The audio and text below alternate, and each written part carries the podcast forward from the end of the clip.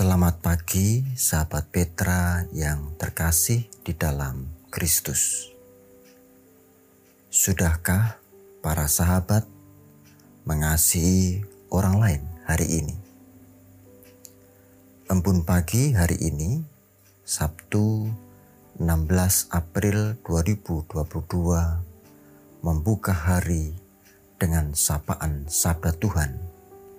Bersama saya, Pendeta SH Sucahyo dari GKJ Jatimulyo. Adapun tema Embun Pagi saat ini adalah misi ke seluruh dunia. Berdasar dari bacaan suci Injil Matius 28 ayat 16 sampai dengan 20. Sahabat Petra yang terkasih, sebelum kita menghayati lebih dalam firman ini, mari bersama kita berdoa.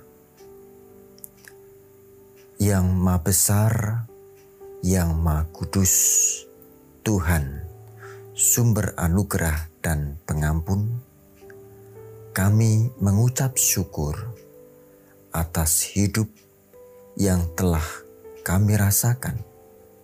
Bahkan hari ini kami telah bangun dari tidur kami, istirahat kami dalam kondisi yang lebih baik, dalam kondisi yang sehat. Kami percaya itu semua terjadi karena anugerah Tuhan. Lebih-lebih ya Bapak, kami ingin memulai hari kami dengan firman-Mu. Kiranya firman-Mu bekerja atas kami. Kiranya firman-Mu menjadi dasar kehidupan kami sehari-hari. Tindakan-tindakan kami tergambar dalam firman Tuhan. Bahkan Roh Kudus membuka hati dan pikiran kami untuk membuat kami mampu mengerti, menghayati akar firman Tuhan itu. Kami bersyukur, bersabdalah ya Tuhan, demi nama kudus Kristus Sang Penebus, kami berdoa. Amin. Sahabat Petra yang terkasih, akan saya bacakan kesaksian Injil Matius 28 ayat 16 sampai dengan 20 yang berjudul Perintah untuk memberitakan Injil. Dan kesebelas murid itu berangkat ke Galilea ke bukit yang telah ditunjukkan Yesus kepada mereka. Ketika melihat Dia, mereka menyembahnya, tetapi beberapa orang ragu-ragu. Yesus mendekati mereka dan berkata, "Kepadaku telah diberikan segala kuasa di surga dan di bumi." Karena itu pergilah, jadikanlah semua bangsa muridku, dan baptislah mereka dalam nama Bapa dan Anak dan Roh Kudus. Dan ajarlah mereka melakukan segala sesuatu yang telah kuperintahkan kepadamu. Dan ketahuilah, aku menyertai kamu senantiasa sampai kepada akhir zaman. Amin. Berbahagia setiap orang yang mendengarkan firman Tuhan. Sahabat Petra yang terkasih, perbedaan mendasar antara murid dan pengikut itu jelas. Perbedaannya terletak pada pemahaman dan penghayatan tentang sang guru, ajaran sang guru, atau sang tokoh yang diikuti. Maksud saya begini, jika seorang murid ia wajib memiliki pengetahuan serupa dengan sang guru. Mungkin setingkat di bawah sang guru. Atau mungkin dalam perkembangannya lebih dari sang guru.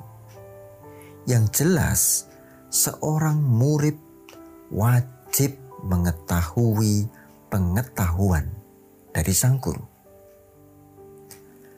Lain halnya dengan seorang pengikut yang hanya ngikut saja. Tokoh yang diikuti ke barat ikut ke barat. Tokoh yang diikuti ke timur ikut ke timur. Disuruh melakukan sesuatu ya manut saja. Tidak perlu tahu banyak tentang apa yang diketahui oleh seorang yang diikutinya. Tak perlu mengerti pengetahuan tokoh yang diikutinya. Nah, itu seorang pengikut. Jelas sangat berbeda dengan seorang murid. Saya ulangi, saya tandaskan.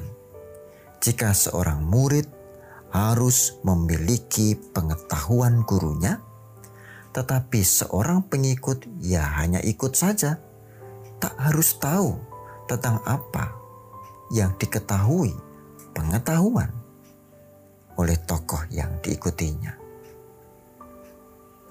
Sahabat Petra yang terkasih, kita sebagai seorang Kristen menjadi murid atau sekadar pengikut. Jika Anda seorang pengikut, ya belum tentu menjadi seorang murid. Tetapi jika Anda adalah seorang murid, sudah pasti Anda seorang pengikut yang baik. Sahabat, amanat agung yang diberikan Kristus kepada para muridnya adalah jadikanlah semua bangsa muridku, baptislah Kemudian ajarlah mereka melakukan segala sesuatu yang telah kuperintahkan kepadamu.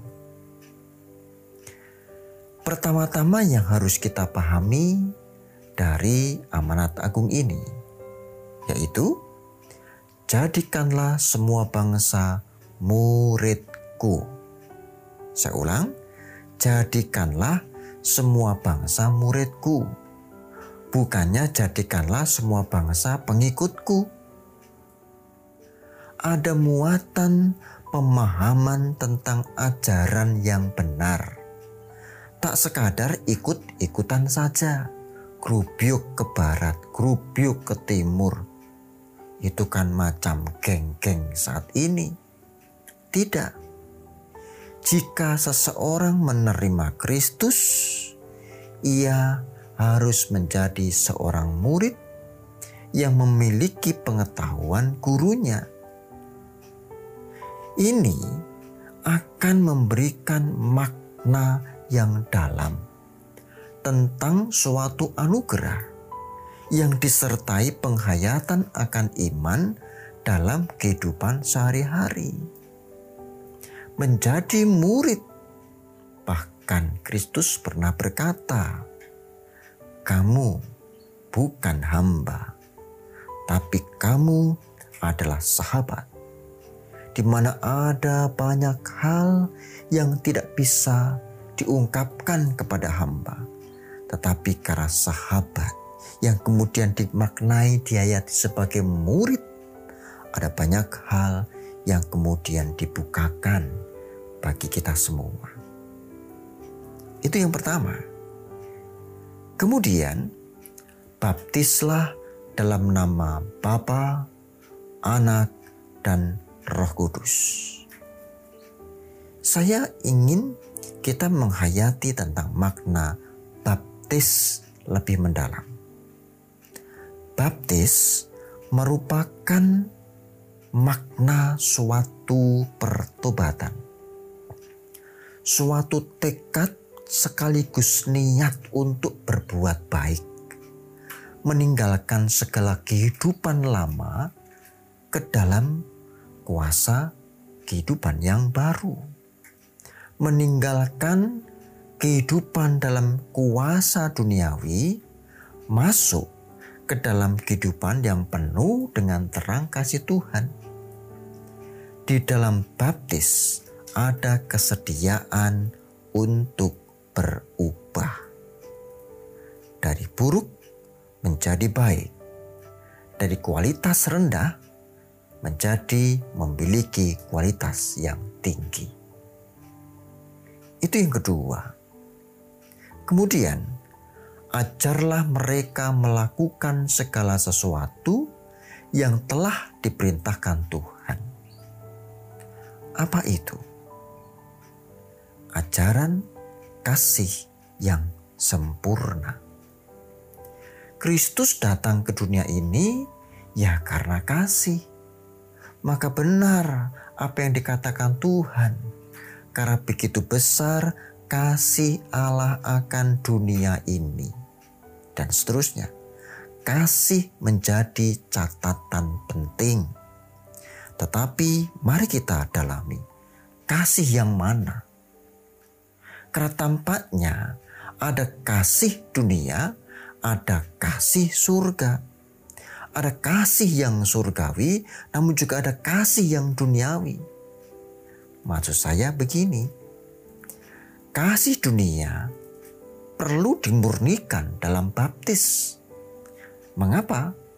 Karena kasih dunia hanya mengasihi mereka yang baik pada kita dan membenci mencelakai orang yang menurut kita salah, yang tidak baik kepada kita.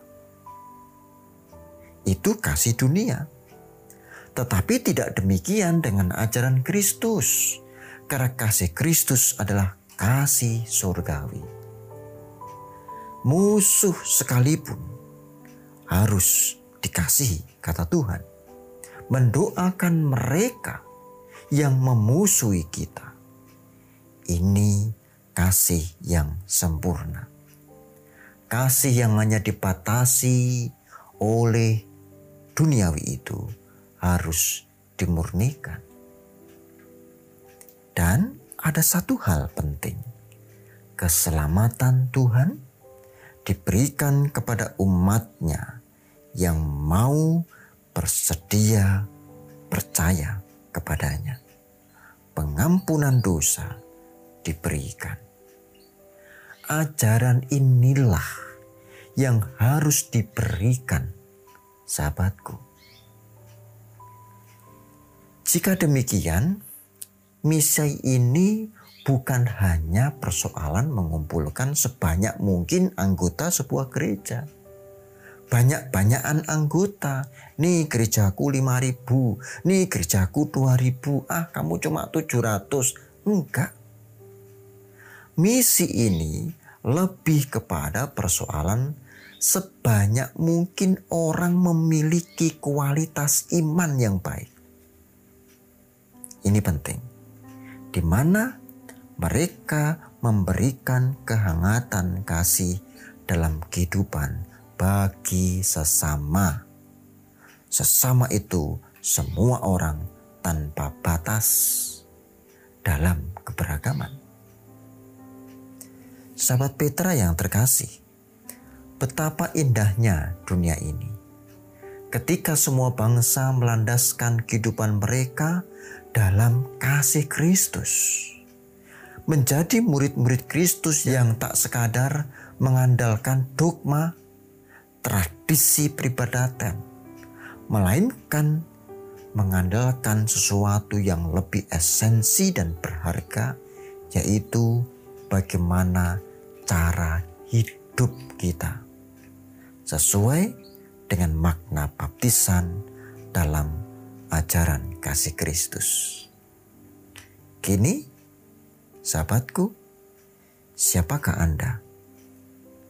Sekadar pengikut atau murid Kristus? Sahabat harus menghayatinya. Amin. Mari kita berdoa. Tuhan yang sungguh besar, penuh kasih kami bersyukur atas firman-Mu hari ini. Kiranya hari-hari kami senantiasa mendasari hidup kami dalam firman-Mu. Oleh karenanya ya Tuhan pimpinlah kami dalam pertolongan roh kudus yang senantiasa hadir bersama-sama dengan kami. Kami akan melanjutkan hidup kami Bapa.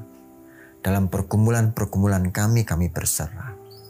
Dalam rancangan-rancangan kami, kami mengikut sertakan Tuhan dalam dosa dan kesalahan kami, kami mohon ampun. Demi nama kudus Tuhan Yesus Kristus, kami berdoa dan bersyukur. Amin. Demikian sahabat Petra yang terkasih dalam Kristus, kiranya hikmat dan kasih Tuhan senantiasa terasa dalam setiap langkah nyata hidup kita. Saya, Pendeta Esa Sucahyo dari GKJ Jatimulyo, mohon diri. Sahabat Petra, selamat mengasihi orang lain hari ini. Tuhan Yesus memberkati.